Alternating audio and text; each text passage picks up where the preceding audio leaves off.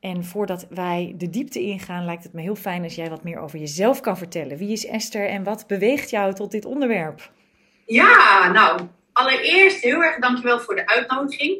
Mijn naam is dus Esther Groenewegen. Ik ben de founder van de Als Rechten niet vanzelf gaat community en inmiddels platform en academie. En um, ik hou me al een aantal jaren enorm intens bezig met dit onderwerp. En mijn interesse en mijn passie over dit onderwerp is uh, ontstaan door uh, mijn eigen dochter, mijn eigen kind, die uh, reactieve hechtingsstoornis heeft. Ja. Dus ik ben als geen ander de intense, ja, ik noem het inmiddels hechtingsreis die je doormaakt als je hiermee te maken hebt. Ja, wat mooi hoe je dan dat ook noemt, de hechtingsreis. Want dat is het soms echt. Het is avontuur is het soms. Ja, en misschien moeten we het ook niet een hechtingstraject of maar die reis, die is juist, dan zie je het ook veel positiever, hè? Want het is ingewikkeld, maar je kan er een hele uh, mooie reis van maken met elkaar. Om ja, zeker. Te komen. Ja, ja. ja. En uh, jij, jij noemde al even hè, uh, iets over een hechting en een hechtingsstijl, maar misschien even terug naar de basis. Waar, waar spreken we over als we het over hechting hebben? Ja, dat is een simpele vraag en niet zo makkelijk om antwoord nee. op te geven. um, als je het over hechtingsproblematiek hebt, hangt het er eigenlijk ook maar helemaal van af vanuit welke invalshoek je dat wilt gaan uh, benoemen. Ik heb ook een achtergrond in uh, complementaire geneeswijze en alternatieve geneeswijze. Dus uh, dat altijd een beetje lastig vanuit welke invalshoek je het yeah. uitgelegd wil krijgen. Want er zit zeg maar een, een, cognitieve component aan, maar ook een biologische, hè, dus een biochemische component aan. Maar waar het in het kort op neerkomt, is dat er iets is gebeurd in een kinderleven. Dat kan al in de, in de buik zijn, maar vooral in die eerste zes jaren van het leven. Wat, dus, uh, wat je dan benoemt als risicofactor voor die onveilige hechting. Ja. En ik kan me zo voorstellen dat dit voor een leek alweer is van waar heeft ze nou eigenlijk over? Ja, daar komen we vanzelf op in, uh, in de podcast. Okay. We hebben natuurlijk een hele ja. hoop wat we gaan bespreken. Hè? Maar eigenlijk wat je al zegt in de eerste jaren, want die eerste, het kan in de buik al zijn. En eigenlijk de eerste jaren, zes jaren. En wij zien ook allerlei verschillende hechtingsfases waar je doorheen loopt. Die we van Nooiveld heel mooi hebben mogen meekrijgen ook. Hè? Dat is voor jou ook een bekende. Ja, um, en hoe belangrijk die eerste jaren voor het kind zijn om die basis te leggen, maar wat dat ook voor gevolg heeft weer voor de toekomst bij een kind en wat dat doet met hechting. En we hechten ons allemaal, misschien is dat een mooie uh, om nog even op in te gaan. Hechting kan je ook weer opbouwen en kan je ook weer met andere mensen doen. We hechten ons ook weer aan een nieuwe partner of aan vrienden, uh, relaties. Er zijn natuurlijk allerlei soort verschillende manieren hoe we ons hechten. Maar jouw hechtingsstijl, en misschien kunnen we daar even op ingaan, is wel van invloed hoe je dat doet. En dat herken ik ook bij mezelf als ik kijk waar ik vandaan kom. Uh, met een scheiding van mijn ouders. En hoe je dan toch met je eigen hechtingsstijl, zonder dat je daar op dat moment bewust van bent, maar later op terugkijkt dat je denkt: oh ja, ik ging een bepaald pad in en ik zocht bepaalde relaties op van wat ik gewend was of hoe ik de dingen deed. En dat komt uit jouw manier van hechten en jouw coping en wat je daar allemaal mee te maken heeft. Ja, um, dus misschien is dat even dat we kunnen zeggen: je hechtingsstijl onveilig noemde je al veilig. Misschien kan je daar nog wat over toelichten. Uh, je hebt het eigenlijk wel ook heel goed zelf ingevuld. Zeg maar. Dus hoe je voor de rest van je leven je, je vriendschappen uh, uh, in, in, de professionele setting en in de liefdessetting je, je partners kiest en hoe je met die partners omgaat, ligt dus aan ten grondslag hoe jij je in de eerste levensjaren hebt gehecht. Ja. En um, ja, dat besef je natuurlijk niet totdat je op een gegeven moment je ziet wel eens van die levensverhalen van mensen die gaan van relatie naar relatie of van, mm. van studie naar studie of van, van bedrijf naar bedrijf. En als je dat goed gaat onderzoeken met mensen als ze daarvoor openstaan, dan kom je er eigenlijk achter dat die dysfunction in life, dat dat in die kindertijd is ontstaan. Ja, belangrijk hè. Ja. En eigenlijk merk ik ook in de trajecten, wat me even te binnen schiet, die ik zelf met kinderen en met ouders heb. Ik zeg altijd zo nieuwsgierig als we naar kinderen zijn, zo kunnen we ook naar ouders zijn. Want zij hebben ook dat kind in zichzelf en komen ook ergens vandaan en reageren in sessies zo omdat ze ergens vandaan komen. En daar ligt ook weer hechting aan ten grondslag. Dus het is eigenlijk een essentieel onderwerp wat in alle lagen binnen een ondersteuningstraject, coaching, begeleiding, hulpverlening terugkomt. En waar we wel eens overheen walsen, hè? want we kijken dan naar de rechten van het kind en we moeten in het belang van het kind denken.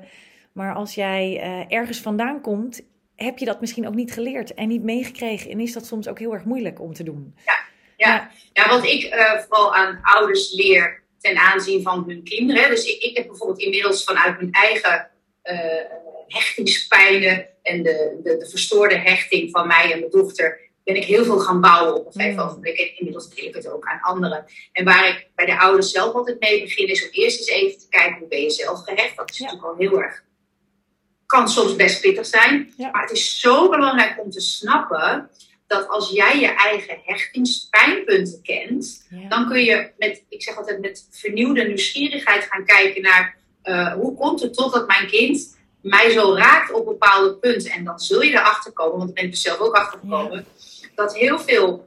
Uh, het is, het is regulatie in je eigen systeempje. Dus je voelt je heel erg afgewezen of je voelt je heel erg het korte lontje. Je staat, staat snel op overlevingsmodus. Het heeft eigenlijk helemaal niet zoveel met het gedrag van je kind te maken, maar met je eigen pijnpunten. En nou, ik merk dat als ik met de, met de ouders uh, dit ga onderzoeken, en dat is ook echt ook een ontdekkingsreis, ja. dat je dan wat milder naar jezelf kunt zijn de situatie aan zich wat beter kunt begrijpen. En dat is een heel mooi beginpunt. Dat er meer begrip komt van beide kanten. Ja, heel mooi. En ook een verzachting. Ja. Uh, hè, want ouders zijn vaak ook streng voor zichzelf. Of leggen de schuld ergens anders. Of externaliseren. Dat zie ik ook. Maar juist, ik hoor een hele mooie tip die jij hier eigenlijk in teruggeeft. Dat laat je kind ook jouw spiegel zijn. Dus in plaats van dat je naar het gedrag kijkt van mm, dat gedrag is, is de oorzaak dat je kijkt van hé, hey, wat leert mij dit? Wat geeft mij dit mee over mezelf, over wat ik anders kan doen? Dat is een heel mooi iets wat ik hoorde in uh, jouw tekst zo verscholen. Ja, ja, precies, precies. Ja. Ik, ik, ik, kon dat op een gegeven moment zeggen over mijn eigen dochter, dat zij gewoon mijn mentor was, inderdaad mijn spiegel. Ja, van hoe ik uh, uh, zelf de wereld beleef. Nou moet ik er wel als kanttekening bij zetten. Mm. De ouders waar ik mee werken, vooral als ze net aan boord komen, die zitten niet op deze nee, nee, nee. levende uh, woorden te wachten. Want die hebben te maken met liegen, stelen, richting puberteit naar criminele organisaties. Het, het, het, gedrag wat onze kinderen soms laten zien. Ik had toevallig ook afgelopen QA-sessie meer een moeder. want de groepen zijn weer begonnen. ja, ik, ik, ik werd eigenlijk letterlijk lichamelijk bedreigd door mijn kind. Dus ik moest me afbijten. Ja. dus dat, dat zijn wel de situaties waar hechting ook over gaat. Ja, en dit is wel echt. Ja, en dit is misschien wel goed om eventjes aan te kaarten. En daar hebben wij even in de voorbespreking al een beetje over gehad. En we hebben verschillende situaties waar het zich voor kan doen. Wij zien in de praktijk ook best wel veel ouderontrechting, ouderverstoting. Dus waar een kind bewust beïnvloed wordt, hè, of onbewust, zonder dat, dat de ouder daadwerkelijk bewust doet, maar onbewust. Hè. Ehm, om een kant te kiezen van uh, de ouder, de meest voor die zwakke ouder eigenlijk en de andere ouder buiten beeld te zetten.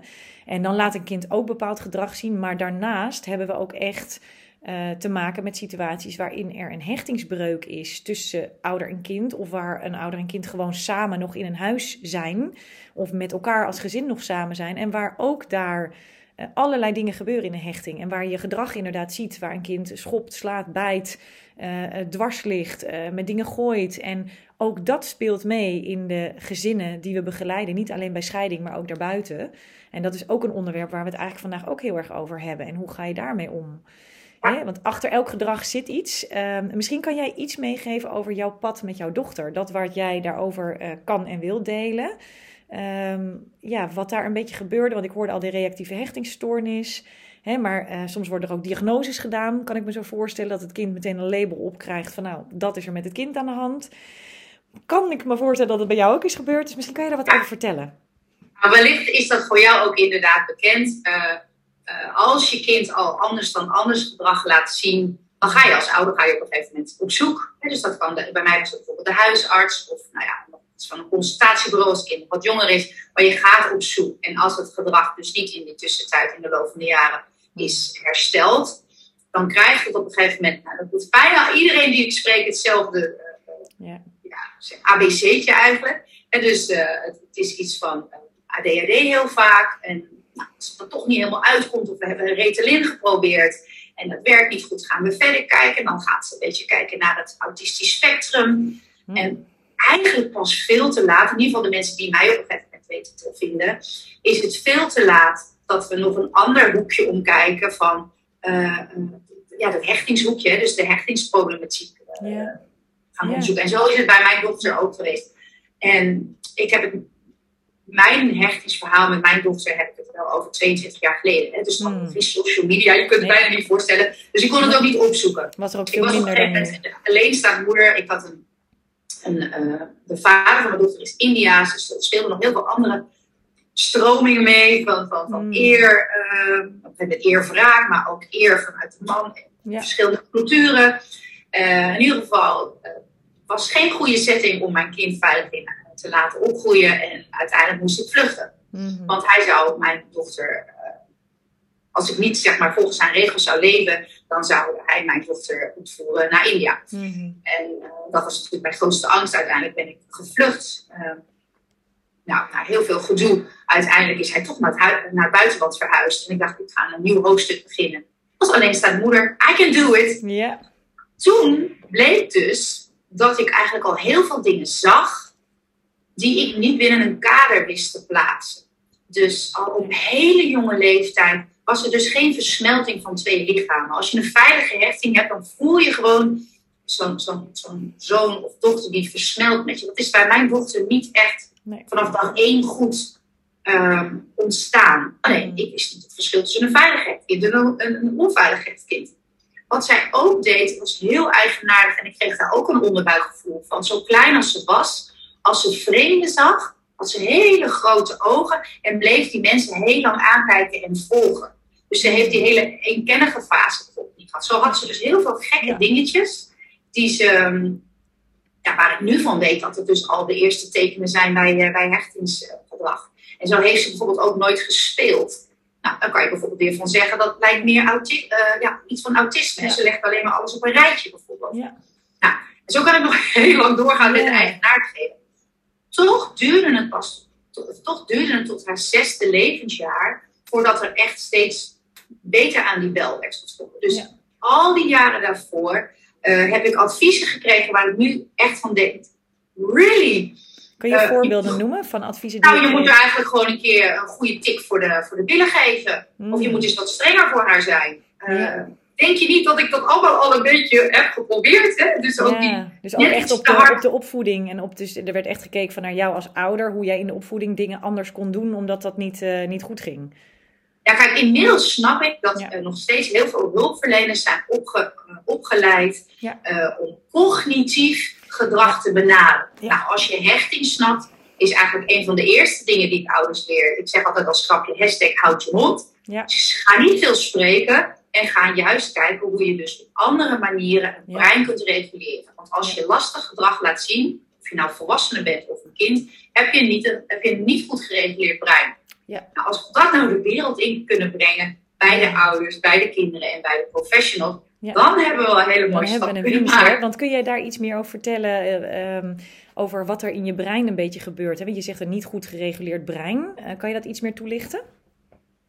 Uh, ja, dus als, ik, ik, hou het even wat kleiner, gewoon, dus onveilig echte kinderen die kunnen allerlei gedrag laten zien. Hè? Mm. Dus dat kan externaliserend, internaliserend gedrag zien en dat maakt het ook zo complex. Ja. En dus de niet zo lastige kinderen kunnen evengoed heel erg onveilig gehecht zijn. Maar dat zien we gewoon niet zo goed. klopt. Want het, gaat, het slaat meer naar binnen. Dus dat zijn meer de types die, uh, als ze wat ouder worden, gaan bijvoorbeeld of zelf snijden.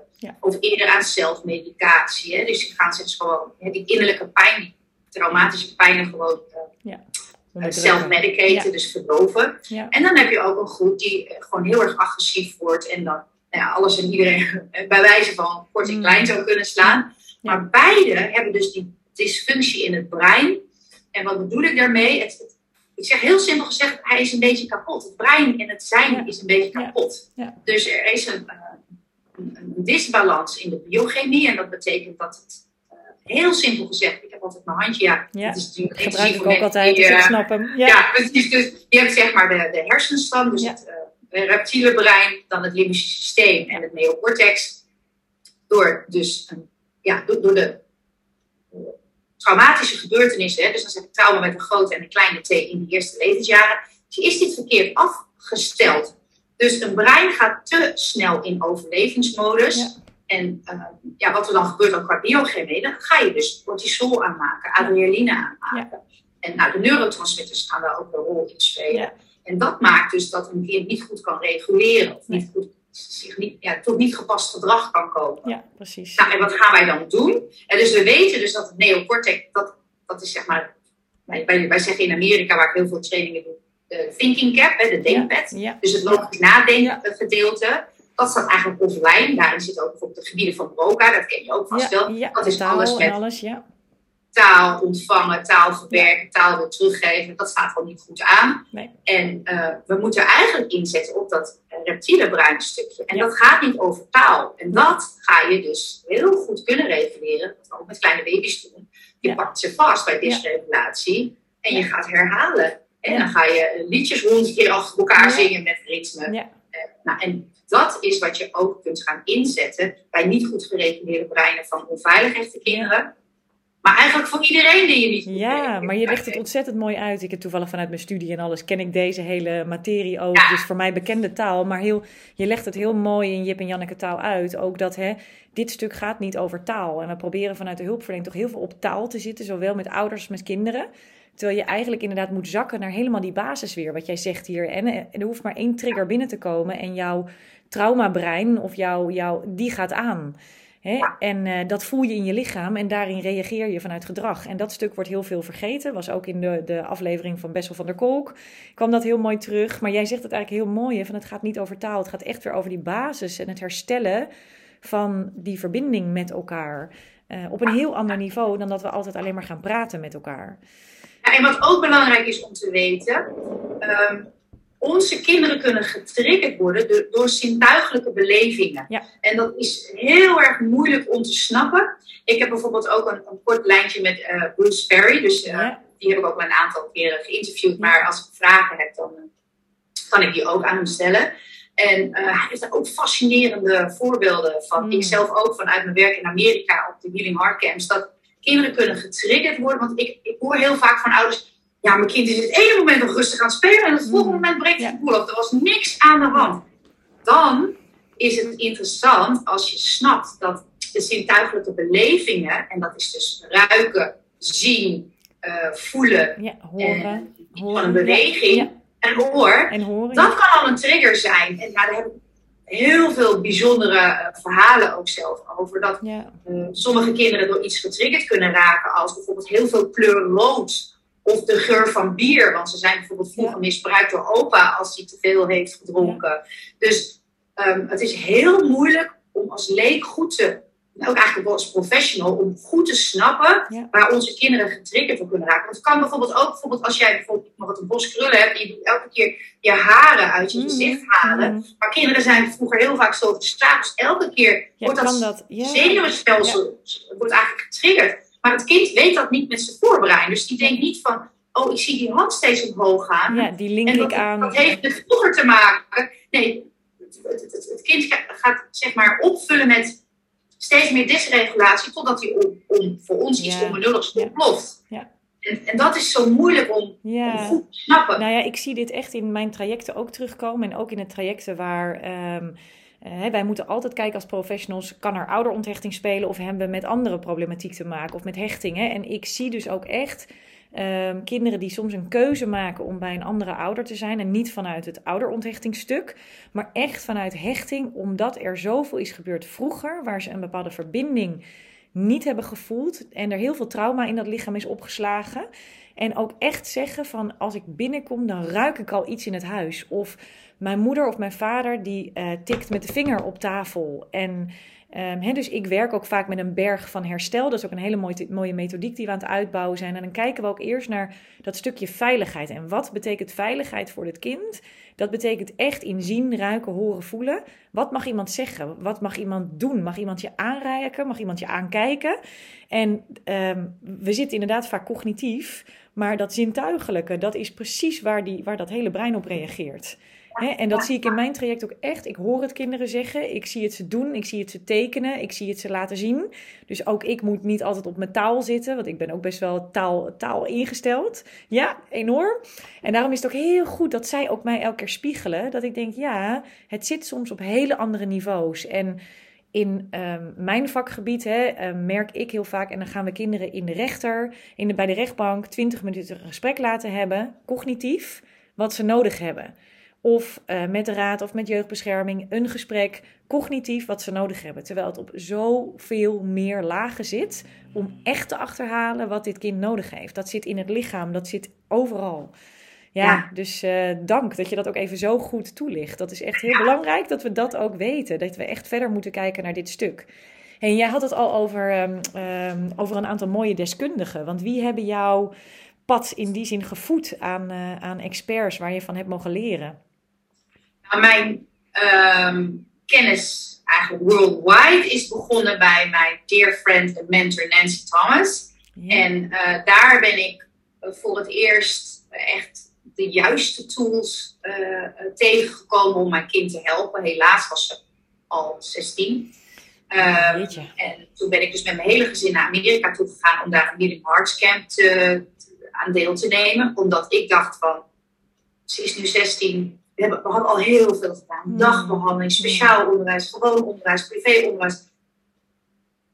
Ik dacht, dit meisje gaat het niet, die, gaat het niet redden. En toen zijn we dus in Amerika gekomen en die tools die ik daar op een hele week, zo'n hechtingskamp, heb meegemaakt, daar was ik zo van overtuigd. Die ben ik dus mm. gaan toepassen 24-7 en echt nog wel een aantal jaren lang. En tegelijkertijd heb ik natuurlijk ook naar haar geluisterd. En, en, je krijgt dan, op zo'n kamp krijg je ook de hele week les van eh, een teacher. En daarnaast ga je ook met bonding activities ga je een hele week aan de slag.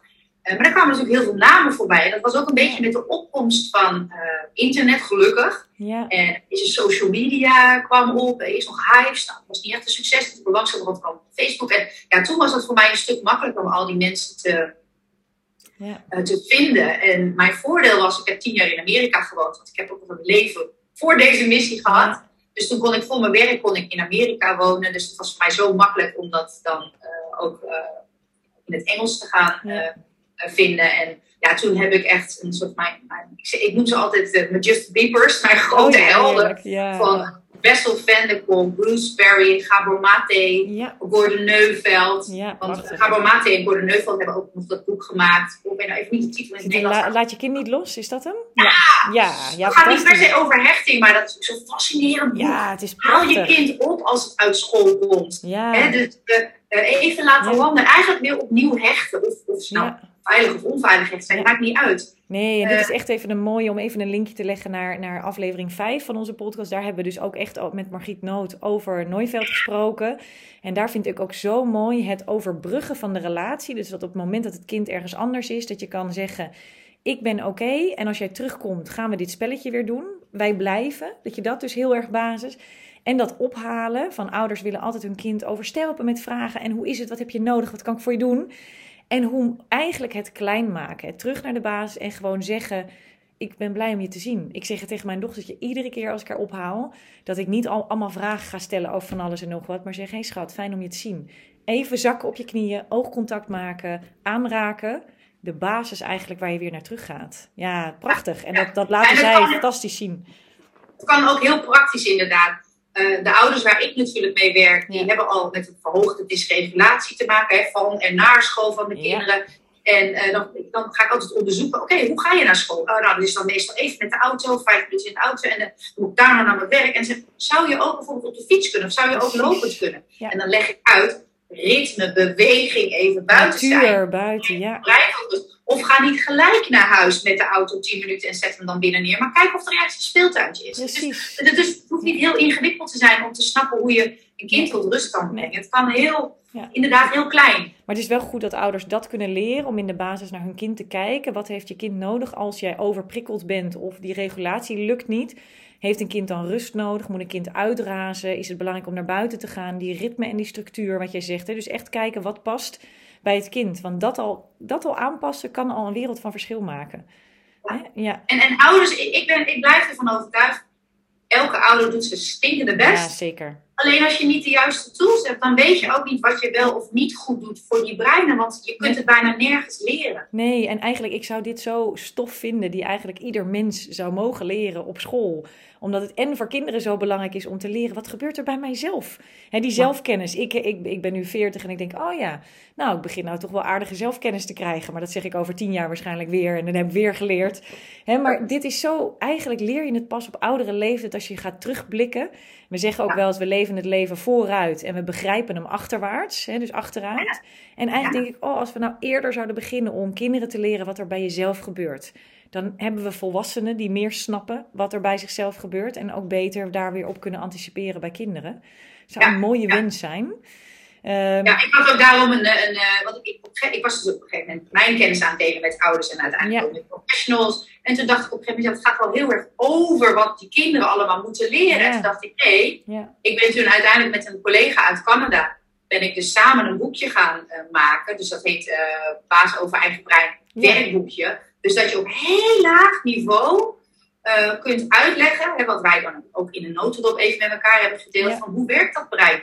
En dat je ook, je zegt, ik, ik noem ze dan ninja's, dat zo noemen we de kinderen ook op de kamp in Amerika, mm. dat jij dus zeggenschap hebt over je eigen brein en dat je je eigen brein kunt helpen.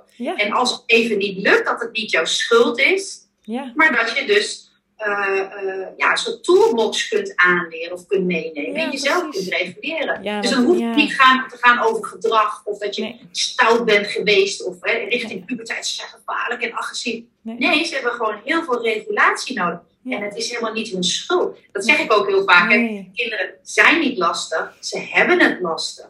Als we alleen al op die manier naar onze kinderen kijken. Nou, echt. Ja, prachtig. Want dat zie je ook met, uh, met kinderen met gedragsproblemen of met autisme of met ADHD. Hè? Dan is daar ook iets in hun sympathisch stelsel of in hun lichaam of in hun biologische systeem wat vraagt om op een andere manier om te gaan met dingen. Hè? En zo had ik ook een jongen die bij zichzelf geleerd had aan te voelen van ik loop nu op, ik moet een rondje gaan hardlopen, ik moet een rondje gaan fietsen. En dan zei hij, ik kan nu even niet en dan gaat hij fietsen. En dan komt hij terug en dan is door de beweging is het weer gereguleerd. En het is eigenlijk jezelf leren begrijpen en dat werkt eigenlijk bij, bij hechting ook. In die zin uh, op eenzelfde manier. Hè? En hoef je er eigenlijk niet eens een label aan te plakken. Het werkt eigenlijk bij iedereen zo dat je dat van jezelf leert snappen waar het hem in zit.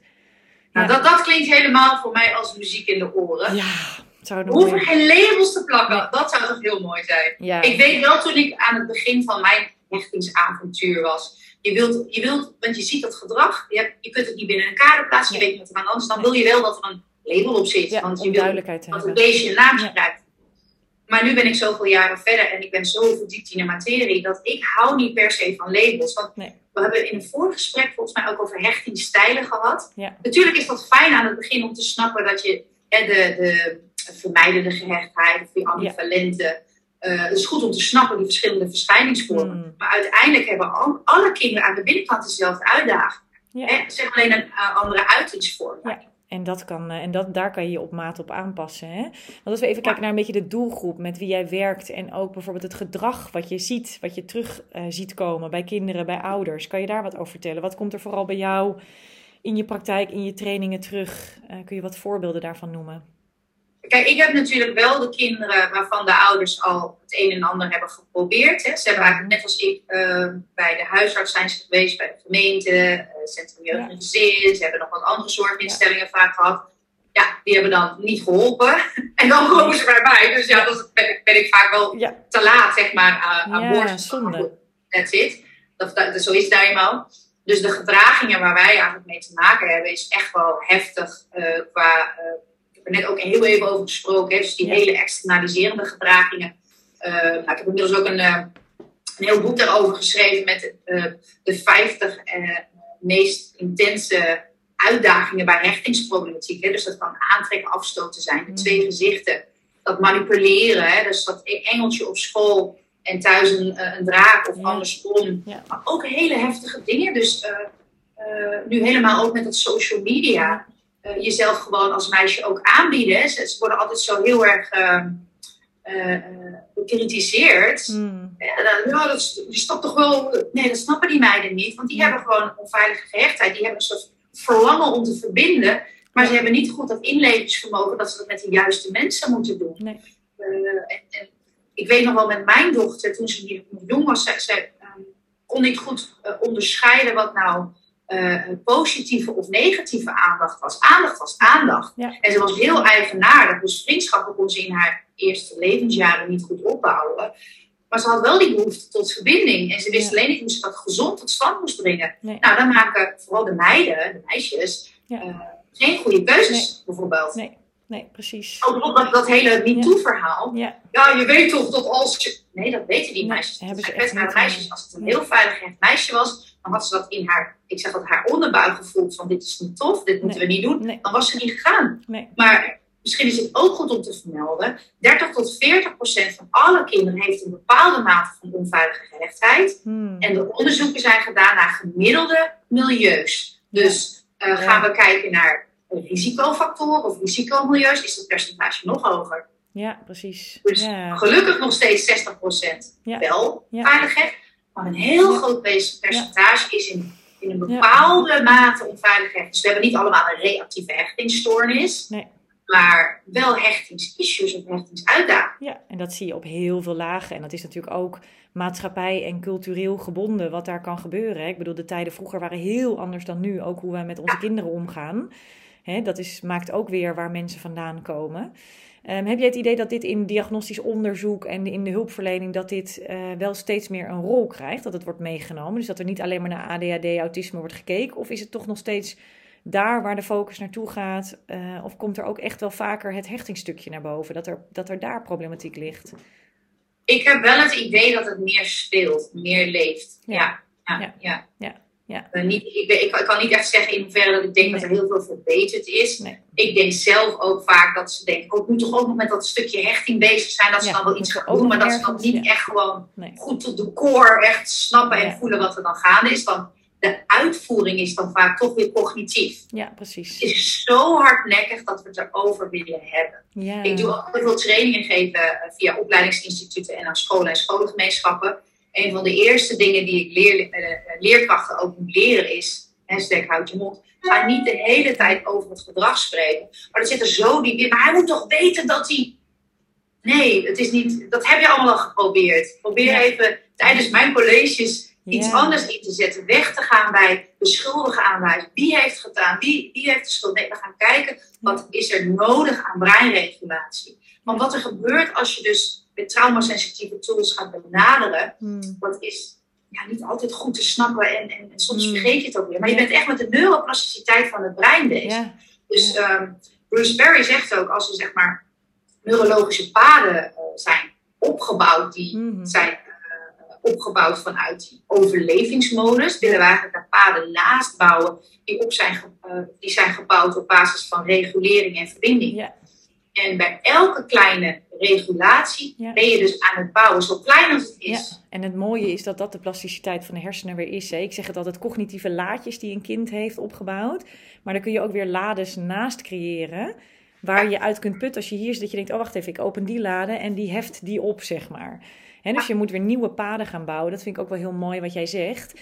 Hey, en in bijvoorbeeld zo'n zo'n hersteltraject, hè, waar, waar, waar aan dat hechtingstukje wordt gewerkt. Je noemt al tussendoor uh, voorbeelden hè, van klein beginnen, dat reguleren van het brein, aanraken, dat wiegen met een baby.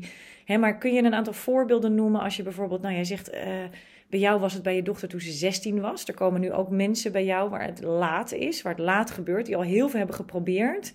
Wat wordt er dan onder andere ingezet? Eh, een paar voorbeelden van het traumasensitief werken, van, van het herstellen van deze hechting. Ja, dus voor ouders neem ik daar ook echt een jaar voor. Ja. Omdat ik wil beginnen bij het begin. Hè. Hoe ben je zelf gehecht? Wat zijn jouw pijnpunten? Dan kun je al uh, op een andere manier daarna gaan kijken. Dan vervolgens gewoon iets van kennis en verdieping. Wat is nou werkelijk aan de hand? En dan kun je op heel veel dingen inzetten. En dat is denk ik niet in deze podcast gepast om ze allemaal helemaal uitgebreid te, te, omschrijven. Uh, en ik, ik, ik heb ook ervaren dat ouders hebben verschillende behoeftes en verlangens. Mm. Dus de een gaat bijvoorbeeld heel erg op de, de regulatietool zitten. De ander gaat eerst nog kijken wat kan ik bijvoorbeeld biochemisch optimaliseren. Dus dan kun je kijken naar de neurotransmitters. Dan kun je bijvoorbeeld met suppletie en lifestyle bezig om dat te optimaliseren. Maar de traumasensitieve tools gaan eigenlijk voor alle leeftijden over. Hashtag houd je mond, dus praat niet te veel. Ja. En kijk of je in plaats van uh, te gaan praten of te gaan straffen of uh, ja, zeg maar de, de, orthodoxe manier van benaderen gaat gebruiken, dat je dus, ja, ik, ik, blijf het heel vaak herhalen, dus regulatie kunt inzetten in de zin van beweging. Ja. Of vooral als de kinderen ook wat meer richting puberteit gaan, dan is het eigenlijk nog ingewikkelder. Hè? Dus dan is er geen veilige hechting ontstaan. Maar het lichaam denkt niet van, joh, ik ben niet veilig echt, dus de puberteit sla ik even over. Dus dan is het een heel moeilijke uh, situatie voor de ouders en ook voor mij dan om, dan nog mee te gaan kijken. Maar dan moeten we snappen, oké, die hechting is misschien een dun flinterlaagje ijs waar ze steeds doorheen stappen. Dus ze hebben niet dat gewapende betonfundering, maar ze moeten wel de volwassen wereld instappen. Dus ze gaan wel ja. verbinden met anderen. Ze gaan ons al een beetje loslaten. En dan is het aan ons dus de, truc om te kijken, kunnen we een andere tribe vinden, anders dan onze eigen tribe, waar ze mee kunnen verbinden. En dat kan ook heel praktisch zijn. Dus dat kan bijvoorbeeld uh, toneelspel spelen of muziek maken, muziek uh, luisteren, in een band zitten, op een koor. Want we willen ze dus met een andere tribe verbinden, waar ze dan toch nog een stukje hechting mee kunnen hebben. Maar wat er vaak gebeurt, is dat de ouders het niet zo goed snappen meer wat er moet gebeuren. Ze zijn helemaal uitgeput. Ja, en dan zie je ze ontglippen. En als ze eenmaal ontglippen in, in andere ongezonde tribes, ja, dan is het wel heel lastig om ze te Ja, en ik zie, dit, ik zie dit dus ook in mijn praktijk als we het dan over scheidingssituaties hebben, hè, waar kinderen vanuit alles wat ze mee hebben gemaakt tussen ouders. Ehm, eh, zich staande houden. En zeker de, de complexe situatie waar al heel veel jaren wat speelt. En dan als ze in de puberteit komen, dat die kinderen eigenlijk op en moe zijn. Um, sowieso vanuit hun ontwikkeling zich meer willen richten op vriendschappen en school en de middelbare school. Maar aan de andere kant toch ook wel die behoefte hebben aan geborgenheid. Dan vaak een keuze maken voor ja, met welke ouder heb ik nou het meeste of is het minst erg? Zo hoor ik ze ook wel zeggen. Welke ouders het minst erg en kan ik het best mee door een deur? Dan wordt het die. Ze willen vaker op één vaste plek wonen, hebben niet meer zoveel zin om dingen te doen. En dan zie ik de ouder waar ze zich een beetje van wegtrekken, wat dus niet altijd ouderverstoting is, zie ik in paniek raken. En die zie ik dus dingen gaan doen die tegen de natuur uh, is van de verbinding. Uh, heel erg gaan overcompenseren. Of als kinderen veel weggaan, ja, maar ik zie jullie bijna nooit. Of um, alleen maar leuke dingen willen gaan doen. En um, eigenlijk wat jij zegt, heel veel, of heel, heel veel gaan praten, heel veel vragen gaan stellen, heel erg verbaal bezig zijn. En de kinderen gaan dan dus steeds meer uit contact, want die worden steeds moer. Het klinkt steeds onnatuurlijker. Ze krijgen heel veel apps, ze krijgen heel veel uh, berichten. Een ouder staat plotseling op school, um, want die wil, die wil ook hechten, die wil contact maken en die wil die relatie aangaan. Dus het is super sneu. En dan probeer ik dus ook altijd te kijken hoe kunnen we het weer klein maken naar een basis waar je misschien niet heel veel doet, maar wat fijne momenten voor jullie waren. Waar het lichaam tot rust blijft, het hoofd tot rust blijft. Waar je niet over van alles hoeft te praten, maar je samen iets gaat doen. dus een wandeling, een workshop, samen iets koken, uh, een spelletje doen. Echt weer even helemaal terug naar dat. Uh, om weer gewoon op die gevoelslaag te zitten. Want eigenlijk moet het brein van die ouder gereguleerd worden en van het kind. Dus je ziet het op die twee lagen. Dat eigenlijk er veel te hard gewerkt wordt, waardoor eigenlijk alles uit het natuurlijke contact gaat. Nog meer. Ja, het is ontzettend sneu om te zien. Ja, ja. ja. dat is ook een van de belangrijkste dingen die ik ouders, of een van de belangrijke dingen die ik ouders leer. We zijn heel erg met onze perceptie van wat goed is voor hen ook aan het communiceren. Wat ik altijd zeg, ik noem dat ook de kalmmethode, dus, uh, stap de wereld binnen van je kind. Dus ga kijken, en dat heb ik ook bij mijn hele veilige hechte puberzoon uh, gedaan. Uh, ik, ik heb ook een handje van heel verbaal te zijn. En ik vind dat ik alles weet en ook een beetje beter weet. Ja. Uh, ook met gamen en met die schermen. Totdat, ik, totdat ik dat ook, uh, ik weet nog niet meer waar ik dat van heb geleerd. Maar in ieder geval, toen kwam ik daarachter van, laat ik eens zijn wereld binnenstappen. Dus dat is misschien een goede tip voor, uh, ja, voor, zijn wereld, zijn van wereld. Van, um, toen ben ik dus naast hem gaan zitten. En ik, vind, ik vond het toen heel stom dat hij, ook net als elke ouder vindt, dat hij veel te veel gamede. Ja. Maar dat ging ik natuurlijk roepen. En toen dacht ik, nee, daar stop ik dus mee. En ik ga bij hem zitten. En ik ga, ik ga kijken of ik dat spel ga uh, snappen. En ik ging, ging me bijvoorbeeld verdiepen ook in, in dat race-spelletje. En dan ging ik met hem dus op andere momenten over, over dat gamen praten. Nou, je zou gewoon echt kijken, wat is dit? Ja. We hebben daar niet over gesproken, maar ik zag bijna het soort aangaan van zijn systeempje. Van, hé, hey, ik maak verbinding in mijn wereld.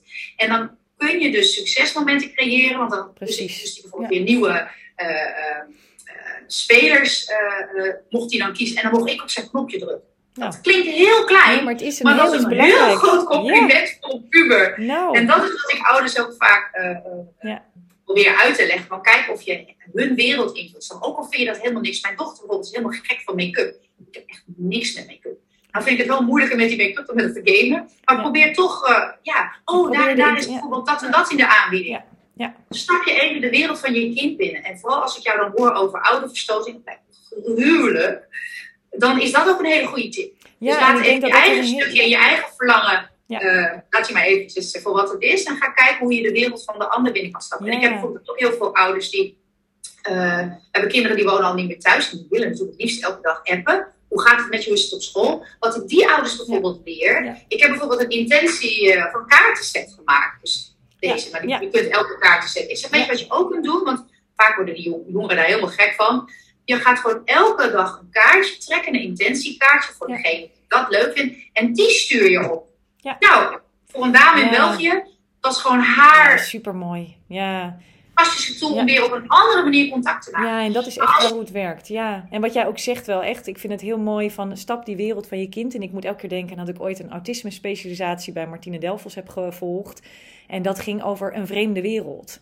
En toen dacht ik, als je dus ziet dat de wereld van jouw kind een voor jou, vanuit jouw perceptie als volwassene en als ouder, maar ook vanuit het, misschien jouw overtuiging, er is sprake van ouderverstoting, of jouw overtuiging, de andere ouder die doet iets dan ga je vanuit een verkeerde perceptie ehm, aan de slag met je kind. Dus als je probeert dat even los te laten, wat jij zegt. En hm. echt te kijken van oké, ik stap de wereld van mijn kind in, waar die zit. In zijn brein, in zijn kopie, in zijn interesse. En ik ga een nieuwe taal leren. Hè, gewoon uit nieuwsgierigheid. Uh, kan je hele andere stappen zetten om weer in contact met je kind te, te, te krijgen. En dat is eigenlijk precies wat wij in hersteltrajecten ook doen uh, binnen scheidingssituaties. Maar wat soms heel erg moeilijk is als een ouder daar in die overtuiging ook blijft zitten. Um, of te snel wil, of wat ontzettend logisch is. Hè? Want je wil als ouder je kind omarmen en bij je hebben en lieve dingen zeggen en een knuffel geven. Maar het kind zit daar misschien nog niet. Hè? Dus die heeft daar andere, andere wegen in. Zijn er nog andere tips die jij vanuit jouw traject uh, aan ouders mee kunt geven? Nou, ik, ik wist natuurlijk dat ik met jou ging spreken. En we hebben natuurlijk een voorgesprek gehad. En ehm, wat ik soms lastig vind om te horen. Ik heb in mijn omgeving natuurlijk ook mensen die uit elkaar gaan. Dat ik heel vaak hoor dat mensen zeggen: de kinderen doen het zo goed. Ja. Ik krijg er altijd een beetje onderbuikgevoel van. Want hoe bedoel je? Uh, natuurlijk, zou, als het echt werkelijk zo zou zijn, dan is het natuurlijk fantastisch. Maar, um, en, en, scheiding en ouderverstoten is niet mijn expertise. Even als disclaimer. Maar ik weet wel dat als je aan hmm. iemands veilige basis gaat trekken, of als hij door, door tweeën scheurt, dat, dat, dat doet iets essentieels ook echt met je biochemie in je brein. Die bodem wordt onder je vandaan getrokken. En dan uh, betekent het niet dat je dat altijd aan de buitenkant laat zien. Nee. Uh, wat, je aan de binnen, wat je in je binnenwereld ervaart. Want dat lief, leuk en gepast gedragen, zodat je als ouder zegt van mijn kind doet het zo goed, is ook een overlevingsmodus. Ja, zeker. Ja, en voor de being, voor alles en iedereen, is dat misschien goed. Want als ouder kan me zo voorstellen, ik ben natuurlijk ook één keer bij mijn uh, bij de vader van mijn eerste kind weggegaan, maar dat is een andere situatie. Zij was een echt baby, maar als ze natuurlijk al wat ouder zijn, dan hmm. als kind of als ouder voel je volgens mij gruwelijk als je die beslissing maakt voor de kinderen. Dus die kinderen die kunnen dan als overlevingsmodus hebben van ik ga maar een beetje met mezelf nog gedragen. Ja. Dus ik vind dat echt goed om dat te ja, zeker heel goed ja. delen. Wij kunnen nooit wat er aan de buitenkant te zien is, wil niet altijd de vertaalslag zijn van wat er binnenin je gebeurt. En ik denk dat dat voor, terwijl wij het erover hebben, kan ik dat bij mezelf ook voelen. En kan ik ook denken, ja, dat, de, hè, dat laat je ook niet altijd zien. En dat laat je misschien alleen zien aan hele vertrouwde mensen of aan, aan als je dat durft. Hè? En dat heb je als volwassene ook. Um, dus dat is voor kinderen ook, ook vanuit hun loyaliteit ontzettend moeilijk om dat soms echt aan ouders zo te openbaren. Bovendien snappen ze nog helemaal niet altijd vanuit de ontwikkeling wat er allemaal gebeurt. Um, ze hebben er geen woorden voor, hè? want dat is allemaal uh, nog uh, pre-verbaal, zeg maar. Die, dat is zo'n complexiteit. Maar er is wel iets gaande in dat systeem, dus in dat zenuwstelsel, in die ja. En ze hebben er nog geen woorden voor. En de overleving is ja. ga het maar gewoon goed doen, want papa en mama hebben het al zo zwaar. Ga ik ook nog niet heel erg uit de bocht vliegen, want dan weet ik helemaal niet meer waar ik mijn veiligheid vandaan moet halen. En dat is oké, maar het is goed om te snappen, wat ook al lijkt je kind het goed te doen, dat het heel veel baat kan hebben bij veel regulatie, dus veel traumasensitieve benaderingen. Als zijn er niet te veel praten, uh, kijk of je veel buiten kunt zijn en veel kunt bewegen en in verbinding kunt zijn zonder, ja, zonder constant maar al die vragen te stellen. En ik vind het een mooie wat jij zegt, hè, van uh, uh, kinderen zijn niet moeilijk, maar hebben het moeilijk. En dan denk ik ook aan kinderen zijn niet altijd makkelijk. Uh, in die zin van, vanuit hun binnenwereld, ze hebben het niet altijd makkelijk. Dan kan je hem ook weer omdraaien. Ja, goed om te weten. Um, als laatste voor onze, voor onze sector, voor de professionals. Um, een tip die jij misschien mee wil geven of iets waar je aan denkt, zodat iedereen denkt: ja, ik moet ook dat stukje hechting echt eens op mijn netvlies hebben staan nog iets wat je ze mee wil geven aan quote, aan uh, food for thought. Um, Och jeetje, dat is een moeilijke vraag opeens. Ja, ik overval je ermee. Die hadden we niet voorbereid, dus die, uh, die oh. komt ineens zo binnen. Um, Iets wat je nou, ik zou bijna willen zeggen dat hecht, hechting gaat over alles. Ja. Dus overal is hechting. Dus dat, ja. Dat, is misschien een beetje vaag antwoord. Nee, ik vind hem eigenlijk heel mooi. Ehm, overal is hechting. Het begint volgens mij allemaal met hechting. Of het nou over uh, schoolwerk gaat. Je gaat niet goed je best doen als je geen verbinding kunt maken met een juf. Je kunt geen uh, fijne, fijne en vertrouwde relaties aangaan als je met die negatieve kernovertuigingen zit vanuit onveiligheid. Dus hechting is alles. Misschien is toch wel mijn nieuwe quote vanaf nu. Ik vind hem echt heel mooi. Ik ga hem ook gebruiken. Hechting is alles. Die komt er ook bij staan. Want het is namelijk echt zo, ook in mijn werk en mijn contact met ouders uh, ik heb de verbinding met de ouder nodig, willen zij in mijn traject mee gaan werken. Dus ook daar speelt hechting mee. Gaan wij ouders alleen maar uh, dwingend en streng toespreken en we treden uit contact en we gaan boven ze staan, terwijl die ouder vroeger door een ouder ook zo werd getriggerd, dan kan je de verbinding met die ouder niet maken. En willen we tot ouders doordringen wat zij voor hun kinderen voor mooie stappen kunnen zetten en om die reis aan te gaan, dan is hechting alles. Dus helemaal, punt, zeg ik erachter, uitroepteken. Yes, dat is een hele mooie. En wat, wat, wat, wat ik dus ook deel bij ouders is, alles wat dus heel erg goed is voor een kind, dus die traumasensitieve benadering, is eigenlijk ook goed voor je partner. Zeker. Of je allerbeste vriendin die met hechting te maken heeft. Dus die heeft ook uh, beweging nodig naast het praten. Dus het geldt eigenlijk voor iedereen. Het geldt in alle Iedereen heeft dus dat innerlijke kind in ons, hè, wat je ja, ook al zei. Klopt, hechting is gewoon overal. Dat is het overal en alles. Ja, hey, en waar kunnen uh, de luisteraars meer informatie over jou vinden? En jouw boek, jouw e-book, uh, je hebt allemaal prachtige dingen. Dus waar kunnen, waar kunnen ze meer informatie vinden? Yes, nou, ik heb een website. Het is een beetje een onmogelijke naam, maar het is www.alshechten.nl. Ja. En uh, ik heb bijvoorbeeld ook twee boeken geschreven. Ja. Laat ze even zien op beeld. Ja. dus de eerste is voor leerkrachten. Dat was eerst een e-boekje, inmiddels al meer dan 10.000 keer gedownload. En ik dacht, laat ik er maar een papieren versie van maken. En toen daarna dacht ik, nou ga ik het boek schrijven. Dus uh, als zegt in ieder geval zelf, ga het boek voor ouders. Dus ik heb het boek geschreven wat ik zelf eigenlijk nodig had, maar wat er niet was in mijn donkere jaren. In mijn beginjaren met mijn dochter, dat ik dacht, hoe dan? Ja. En uh, nou, het is inmiddels een, een super fijn boek. En daarnaast heb ik ook een podcast. Ik heb, wat ik ook super fijn vind, een community. Dus dat is een online uh, platform op, op, uh, op, Facebook waar je elkaar kunt ontmoeten. Want ik vind het dus belangrijk om de ouders ook met elkaar in contact te brengen. Om vragen aan elkaar te stellen en te doen. Ja. ja, want het is heel fijn om een zorgprofessional of hulpverlener te hebben, maar dat voelt vaak anders qua hiërarchie toch een beetje. Maar ouders vind ik ook net zoveel uh, kennis en wijsheid in zich te hebben. Als mensen die zich erin verdiept hebben. Vaak de praktische uitvoering leer, ik leer nog steeds van andere ouders. Dus ik heb ook een community op Facebook. Waar ja, prachtig. Prachtig. Dank je wel voor alle kennis die je hebt uh, willen delen. Wij kunnen nog uren doorpraten, want over dit onderwerp valt gewoon ontzettend veel te vertellen. Qua voorbeelden, qua wat mensen meemaken. Maar je hebt hele belangrijke informatie meegegeven en tips meegegeven. Dus dank je wel. En uh, ja, misschien tot een vervolg, want dit onderwerp zal vast nog een aantal keer terugkomen. Yes, yes. Of misschien kan ik je gelijk uitnodigen voor mijn podcast. Nou, kijk, dat kan ook. Wij Want wellicht weer ook hele mooie dingen ik wou delen zeggen, over ouderverstoting. Ja, dat kan zeker. Dus wij kunnen mooie informatie en kennis delen en uh, in ons netwerk blijven. Dus dankjewel Esther en dankjewel ook voor de luisteraars voor het luisteren. En tot een volgende keer.